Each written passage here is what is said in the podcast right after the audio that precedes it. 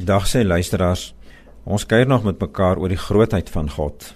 En ai, as ons so praat oor die grootheid van God, dan weet ons eintlik dat ons taal te beperk is en ons tyd te beperk is en ons menslike vermoë te beperk is, ons verstand te beperk is om so sy grootheid regtig ten volle te kan pyl en met mekaar te kan deel.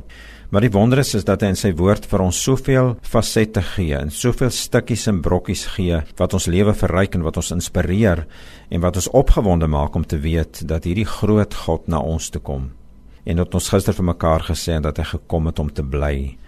Ek wil vanmôre vir julle herinner aan 1 Korintiërs 3 vers 16 wat sê: "Weet julle nie dat julle die tempel van God is en dat die Gees van God in julle woon nie?" Ons is sy woonplek, né? Nee, ons het gesê hy het gekom om te bly. Ek is sy woonplek. Hy het gekies om tuis te kom wees by my. Dis vir my iets anders om te sê hy's tuis by my as om net te sê hy het gekies om by my te kom woon.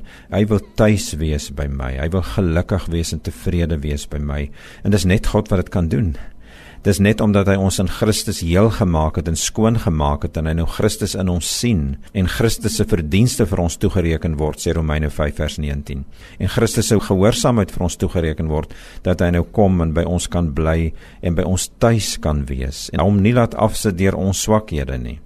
Nou ek wil dit vanmôre op 'n ander manier sê as ek nou dit 'n bietjie bedink en vra nou wat beteken dit regtig dat hy gekom het om by my tuis te wees en dat hy gekom het om te bly dan is die oorweldigende waarheid wat vir my opgewonde maak dat daar eintlik dan nou meer van hom in my is as van myself. Ek meen as hy die groot skepper God van hemel en aarde is en die Bybel sê in Christus is hy my Vader en hy is nou tuis by my, dan is dit mos doeteenvoudig logies dat daar meer van hom in my moet wees as van myself.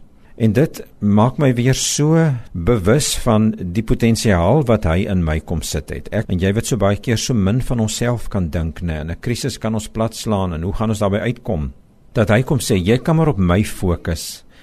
Daar's meer van my in jou as van jouself en ek sal vir jou help om vandag uit te kom en te doen en te leef en te bereik wat ek wil hê jy moet bereik, wat ek deur jou wil bereik.